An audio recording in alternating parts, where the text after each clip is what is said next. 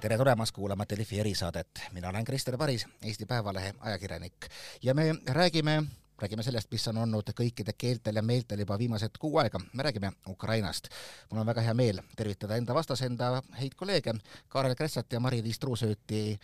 Päevalehe välistoimetusest ja Roman Starapopov siis ähm, Delfi venekeelsest toimetusest. Roman just saabus ka ise Ukrainast, käis seal ebameeldivas kohas, kuhu enam inimesi minna vist ei taha, käis kaevikutes. Aga alustame üldse sellise nagu huvitava mõttekäiguga, no me näeme iga päev tulevad ala-, alarmeerivad uudised. nüüd ütleb äh, USA president, et las ameeriklased tuleksid kõik, kes saa-, saavad Ukrainast minema. enamasti neid asju kõike tehakse enne tõesti, kui oodatakse päris sellist suurt ja teravat konflikti. mida mõtleb Putin, me ilmselt ei tea.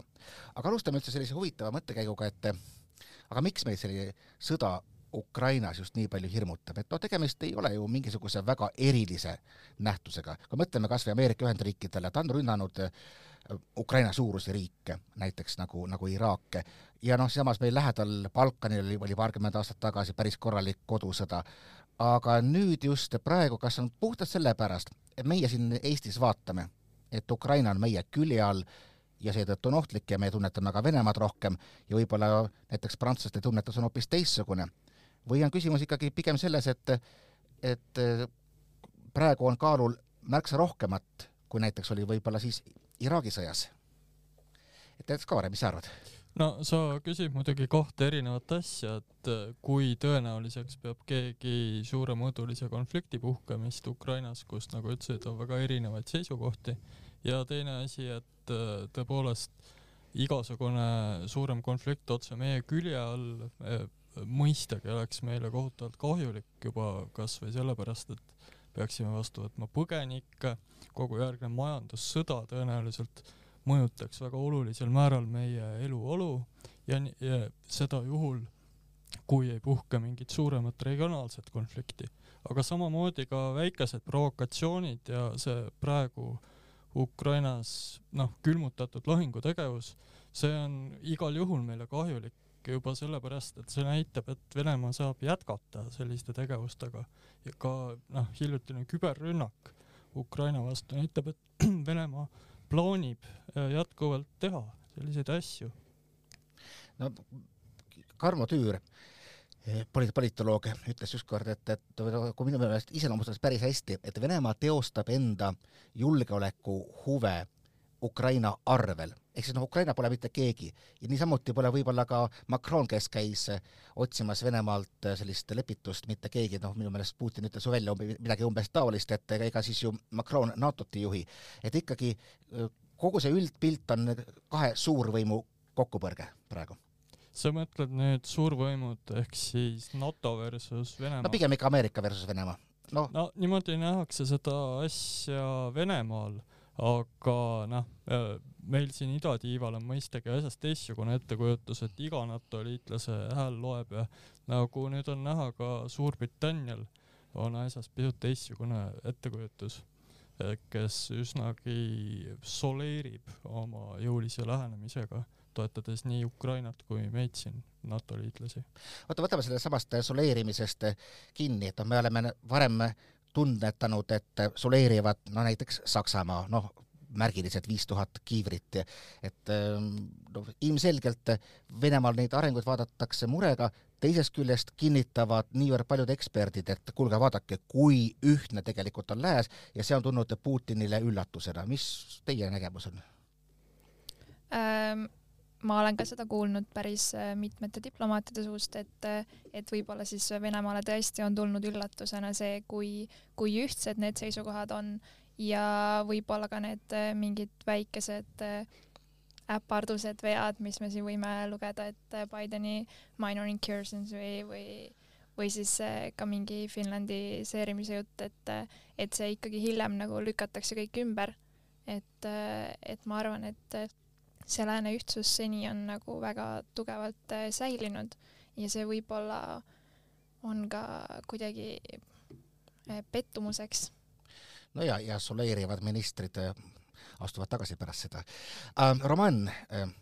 sa ikkagi käisid no. kohas, kus suurem osa inimesi vabatahtlikult puhkust veetma ei lähe, sina käisid ka tööl, sa käisid äh, Ukraina rindel ja lugesin, sul oli väga meeleolukad reportaažid, et mulle jäi meelde, et päeva kõrghetk on borš, no sellest saan ma aru, et ukrainlased väga armastavad süüa teha ja teevad seda suurepäraselt. ja päeva kõrghetk rindel, kui midagi ei sünni, ongi ilmselt äh, toit, aga noh, see on selline nagu närvide mäng et siin on olnud juttu sellest, et ega Venemaa ei saa ju hoida vägesid nii-öelda seal võitlusvalmis väga pikalt, et nad väsivad ära, moraal langeb, aga kas mitte rohkem ei lange moraal nendel, kes pidevalt ootavad midagi, mida võib-olla üldse ei tulegi, et mis see, mis tunne sul oli ja kuidas see ootamine ukrainlaste, Ukraina sõdurite närvikavale mõjub? no tõsi, toiduga äh, nendel on kõik korras, elekter on olemas aga sõdurid, kes rind, rindel on rahulikud, paanikat pole, ma ei ole näinud. Nad teevad lihtsalt oma tööd. aga nad ei ole rahul sellega, et nad on sunnitud täitma mingi kokkuleppeid. et nad, et, et, et, et nad ei, et nad ei tohi tulistada? ja teine pool tulistab ja, ja siis nad peavad vastama ja siis nad ka tulistavad. ja nad ei ole rahul mis pakub Zelenski, vot seda ma kuulsin väga hästi, nad ropendavad. ja, ja. aga, aga no, ma kordan, et paanikat ei ole. sõdurid ütlesid, et noh, kui Putin midagi otsustab, no siis kui tuleb sõda, siis tuleb selge, et see on nagu nende töö vastu hakata ja pigem ma saan siis sinu jutust aru, et nad kardavad, et äkki on riik õõnestatud kuskilt seestpoolt. see oli päris huvitav, mina kuulsin seda ise ka Ukrainas käies mitmelt poolt, et öeldi, et ei tea, mis mängu Zelenskõi mängib, äkki mingi hetk vaata, et annab riigi ära. ma noh, teised ütlesid selle kohta, et muidugi, et bred, et see on puhas Kremli selline desinformatsioonikampaania, et aga ma saan aru, et see on päris hästi levinud sõnum siis seal. just, just no näiteks äh, linnades äh, Avdiivka, kus on äh, noh, venelased elavad peamiselt äh,, venemeelsed nad olemas äh,. seal ma äh, kuulsin äh, nendelt, et nad äh, noh, kuidas öelda äh,, ma saan aru, et nad vaatavad äh, Vene äh, kanaleid, nendel on selline retoorika äh,. see on arusaadav, aga näiteks kui äh, rääkisin inimestega Harkivis no Harkivis inimestel ka ei ole paanikat, aga, aga nad äh, räägivad, et noh, kui tuleb sõda, siis me oleme valmis. no sõda on olemuselt varjude teater, alates Sun Tsust, kes õpetas, kuidas mitte, mitte oma sellist jõudu näidata. Ja no praeguses, ma ei tea, inglise kirjanduses on väga levinud väljend nagu sõjaudu aga siis eks me peame toetama nendele, kes midagi teavad ja toetama sellele, mida nad meile öeld-, ütlevad, et Mari-Liis, sina oled käinud mitmetel briifingutel, no nii päris ametlikult, aga ka seal, kus räägitakse taustasid, et mis nende diplomaatide põhisõnum praegu on, et mm, kas Ameerika luurehoiatused, et Venemaa võib kohe rünnata, et Venemaa seitsekümmend protsenti valmis, kõik need, mis on kõlanud, kas seda pigem usutakse? Äh, sellega on äh, nii ja naa, on mulle öeldud, et äh, mulle üks diplomaat siis ütles väga ilusti, et, et tema usub, et mis oleks meil alternatiivid. samas muidugi on siin küsitavusi, et kui me mõtlemegi ajaloo peale, Iraagi peale, Iraani või, või siis, et jah, et põhimõtteliselt et kas me siis usume hoopis seda, mis tuleb Kremlist või, või siis me võime võtta muidugi ka selle, et äh, väga palju on küsimusi tekitanud, miks võib-olla Ukraina poolt need sõnumid äh, on kuidagi sellised rahustavamad, et äh, Kreml kohe ei ründa, Moskva, Venemaa ei ründa, et aga siin taustal siis selgitatakse, et, et miks võib-olla USA-st need lähevad nii lahku, on see, et, et Ukraina üritab siis ära hoida paanikat et äh, kuna neil majandusega on hetkel üsna kehvasti välisinvesteeringutega, et äh, siis seal võib nagu näha seda, et pigem usutakse siis USA-d, et et just sellepärast, et äh, mis oleks meil siis need alternatiivid. aga mitte päris kõiges, et näiteks Euroopa Liit ei ole järginud USA ja brittide eeskuju, ei ole hakanud evakueerima kedagi Kiievist, mis tundub tõepoolest natuke veidra algatusena USA-lt, kuna Ukraina ise kinnitab, et mingit põhjust evakueerumiseks ei ole ja Brüssel jagab seda seisukohta.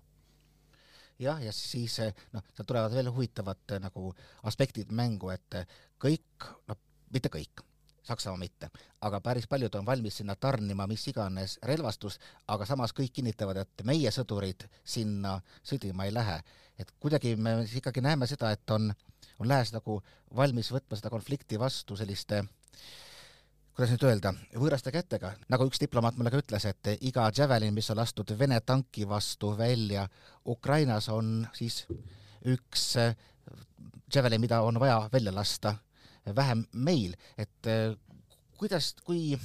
ma tahaks nagu teie, teie hinnangut saada, et eh, kuidas selles olukorras lääs paistab, on neid, nagu näiteks eh, meie ka parlamendisaadik Oudekki Loone, kes ütlevad, et relvatarned ja kõik muu on asjatu sõja õhutamine ja just nimelt, et tahetakse nii-öelda näidata koht kätte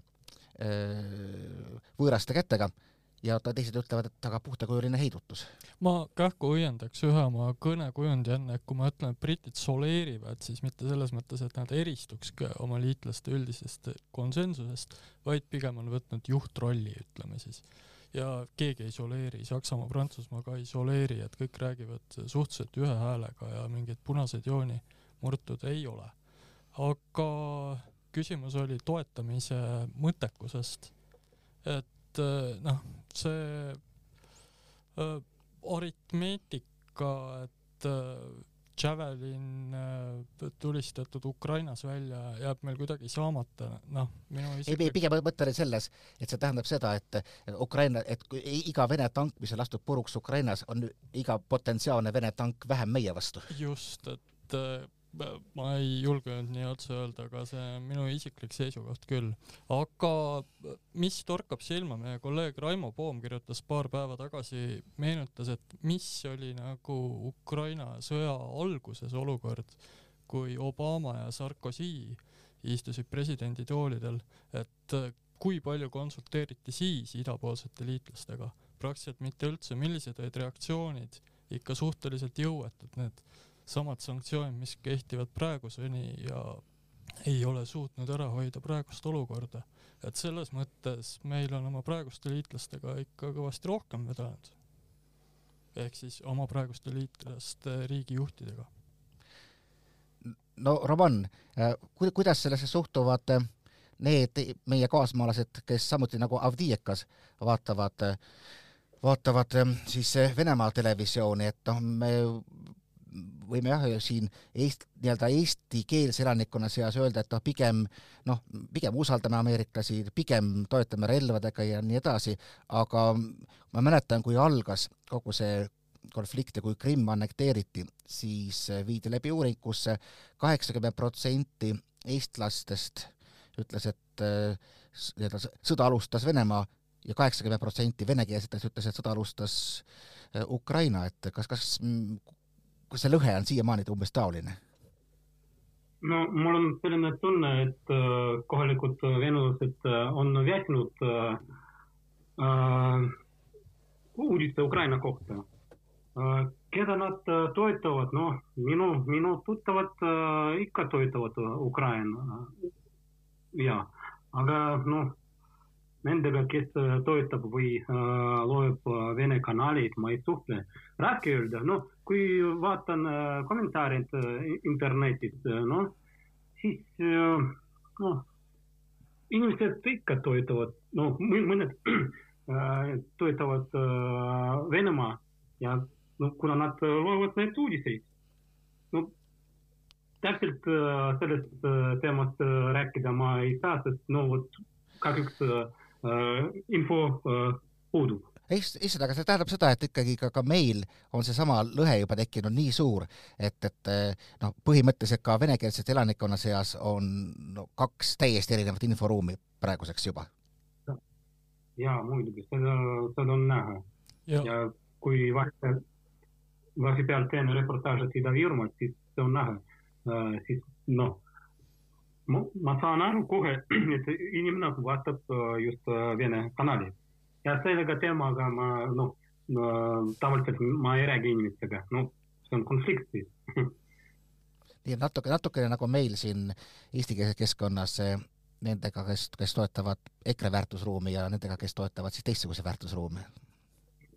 just, just isiklikult ma olen märganud, et kui kahe tuhande neljateistkümnenda aasta järel tuli järsku välja, et väga paljud nii-öelda venekeelsed inimesed on tegelikult ukrainlased, siis paar aastat tagasi kordus sama fenomen valgevenelaste peal isikliku mulje põhjal. et järsku on hästi palju lääneliku suhtumisega Eesti valgevenelasi kuidagi aktiivseks muutunud ja, ja neid tuli ka siia tegelikult päris palju põgenes ka Valgevenest ja küllap nad siis ka niimoodi õhutus, õhutasid selliseid taolisi meeleolusid, mul on endal meeles, kui ma käisin kaks tuhat kuus Valgevenes ja siis tulin tagasi, siis ma nägin mingit Valgevene bussi ja läksin, hüüdsin neile Belarus, aga nemad ei saanud üldse aru, millest ma räägin, et nad olid nagu täiesti kaks erinevat maailma, aga, aga see selleks. aga räägime natukene veel sellest, et noh, kogu selline suur pingeõhkkond, no ta igal juhul mängib kätte äh, potentsiaalsele agressorile, isegi kui nad midagi, nad ei ründa, miks nad tingimata peaksidki, aga see kahjustab ju tohutult, kõik need jutud, et tõmmake välja, eh, viige oma diplomaadid ära, eh, Mari-Liis, sa oled kindlasti kuulnud, et mis, mis selleks kahjuks umbes hinnatakse, mis, et see peab olema ju ka, ka investorite seas teatud eh, mure oma raha pärast, mida sealt ära viia jah, et äh, tegelikult äh, alates siis novembrist, viimase kahe kuuga on tegelikult juba välja viidud kaksteist miljardit dollarit invest-, investeeringuid siis, et arvestades, et Ukraina majanduse kogumaht on siis meil umbes sada kuuskümmend miljardit, siis see on märkimisväärne osa tegelikult ja, ja kindlasti mõjub väga kehvasti. Ei, kindlasti jah, ma just vaatasin, kuidas Euroopa Liit ütleb, et me võime nüüd lubada mitte toetust, aga laene üks koma kaks miljardit, ka siis see on kõigest kümnendik sellest, mis on juba sealt siis lahkunud et jah, tegelikult üks koma kaks miljardit äh, makromajanduslikku abi siis on lubatud ja sada kakskümmend miljonit siis äh, otsest eelarvetoetust. aga mis mina Ukrainast veel kuulsin, on see, et, et see lisaks sellele, et see on otsene abi, on see tegelikult äh, võib-olla ka selline toetav sõnum, et Euroopa Liit siis usub Ukrainasse ja Ukraina siis stabiilsusesse ja et see on nende jaoks nagu võib-olla isegi olulisem kui see reaalne nagu raha no kindlasti on, ma võin ise ka kinnitada kohapeal käinuna, et, et Ukraina kodanikuühiskond on teinud läbi viimase seitsme aasta jooksul tõesti märkimisväärse arengu ja see on hoopis, hoopis teistsugune riik isegi, kui ta oli, kui ta oli siis, kui toimus see revolutsioon Maidanil. aga no mida, mida mõtleb Putin, me ei tea, see on üks suur must kast äh, kas usaldada Ameerikat, noh, täpselt, et võib-olla pigem jah, sest et keda siis täpselt, mis, mis on alternatiivid, ehk siis me peame tegelikult praegu mm, olema valmis ja vaatame seda passiivselt kõrvalt pealt. aga ma mõtlesin hoopiski, et, et võiks uurida, et aga kuidas mõjutab ähm, kogu see konflikt ka ütleme siin noh, meie noori, noh kui nüüd Roman ütles, et meil on siin nagu täiesti selge, selge vahe äh, nende vahel, kes vaatavad Vene televisiooni ja teiste vahel, siis Roman, kõigepealt ma küsin, kas, kas see vahe jookseb mööda põlvkondi? et noored on, noored on, noored on nii-öelda Ukraina ja siis see, see vanem põlvkond on, on Venemaa või see pole päris nii selgelt? Pole, pole päris selgelt. nii et on äh, nii-öelda, vabandust väljenduse pärast, aga vatnikuid on on ka ikkagi noorte seas kenasti no ikka olemas, ikka olemas, noorte seas ka. aga no noored peamiselt noh, nad ei, just no vene noored, nad ei vaata vene kanaleid. vaatavad noh, kolmkümmend ja vanem. aga noh, mul on selline tunne, et noored vaatavad lihtsalt TikTok ja need ei, ei huvita see Ukraina teema, Venemaa teema üldse ei, ei huvita kusjuures see tundub isegi olevat mingil määral sama ka, ka Venemaal, et eh, kuulasin just ühte meediaülevaadet eh, Jüri Nikolajevilt, kes ütles, et eh, kõige tähtsamad on hinnatõusud ja ka erinevad muud eluraskused ja siis suhted lääneriikidega nagu Vene meedias peaaegu ei eksisteerigi, et kui, kuivõrd sinu meelest on üldse või võimalik sellist ühiskonda, mis ei ole sõjaks ette valmistunud, kiir, kiir, kiirkorras panna toetama sellist avantüüri, juhul kui Putin peaks ründama sa küsid vene inimeste kohta? just nimelt, täpselt ja et, et jah, sest nagu meie siin, meie inforuumis me vaatame, iga päev on sõjauudiseid Ukrainast ja ma saan aru, et Venemaal ja. see ei ole see teema üldse. aa, no seda ma ei jälgi. viimane nädal olin haige, aga noh, ikka esimene või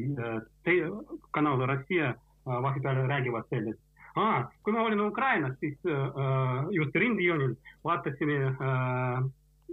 telekas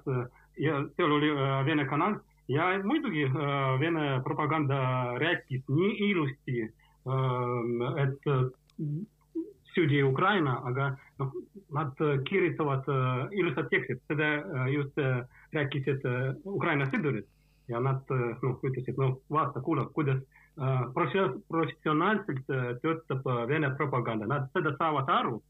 äh,. ja vot Ukraina sõdurid ka räägivad, et nende propaganda äh, töötab äh, noh, halvemini, halvemini kui Vene propaganda uh nüüd on vist vaikselt ka jõudmas see teema rohkem Vene meediasse, et näiteks sel nädalal Komsomolskaja Pravdas ilmus graafikutega lugu neli stsenaariumit, kuidas võiks Ukraina-Venemaa sõdida. märkimisväärne, et kõik stsenaariumid algasid Ukraina selge rünnakuga. ja muidugi Dmitri Kisseljov räägib juba pikemat aega tuumasõja positiivsetest külgedest nii et ega midagi, ootame Kiievist sellist suurt tugevat, tugevat lööki eh, Moskva pihta. aga Mari-Liis, kuidas, kui sa oled võib-olla õpetaja koolis olnud ja, ja et kuidas noored meil siin, on seal mingisuguseid mm, väga erinevaid arvamusi? ma arvan, et äh, selle osas ma pean kõigepealt äh, nõustuma Romaniga, kes ütles, et võib-olla noored ei jälgi nii palju meediat kui mingit äh, Tiktoki et äh, siin torkab kindlasti silma see, et ongi võib-olla puudu sellise üldse suure pildi nägemine, mingid taustteadmised, et äh, mingeid pealkirju kindlasti jälgitakse, teatakse, et seal midagi toimub, aga kui selle taustal nagu siis tihti ei mõisteta võib-olla selle konflikti ulatust või, või miks see nagu nii suur teema on, et siin ongi ka ju see, et, et see Ukraina tegelikult ei ole ainult Ukraina, et see need julgeolekugarantiid üleüldse ei siis, ei puudutagi nagu võib-olla Ukraina NATO-ga liitumist, et see on nagu kogu see Euroopa laiem julgeolek, et et kui sa mainid keskmisele noorele näiteks äh, Wagnerit, Mali, äh, siis äh, lisaks sellele, et eestlased seal missioonil on, ma arvan, et et sealt nagu ei tulegi midagi, et et võib-olla, et seda nagu seost ei, ei üldse ei teadvustata endale, aga mida ma kindlasti võin öelda, et ei ole sellist äh, suhtumist, et mis see Ukraina üldse on või miks me peaks neid aitama. et, äh, et see näiteks, et, äh, et miks Eesti saadab sinna Ukrainasse midagi või, või miks me neid aitame, et seda nagu ei ole, et see on selge, et sõda ei taha nagu keegi, et isegi kui nad seda ulatust või, või seda nagu õiget siis mõtet ei taju seal taga. kas Wagner kui helilooja kõnetab inimesi ma arvan, et äh, jah, võib-olla isegi on tõesti niimoodi, et hoopis helilooja nimi seostub praegu, kuigi, kuigi meil uudistes on ilmselt suurem teema siiski need Vene palgasõdurid. lõpetame sellise natuke meeleoluka siis äh, noodiga, et aitäh Kare Kressale, Mari-Liis Truusöödile ja Roman Starapopovile. mina olen Eesti Päevalehe ajakirjanik Krister Paris ja, ja jälle kuulmiseni siis uutes erisaadetes.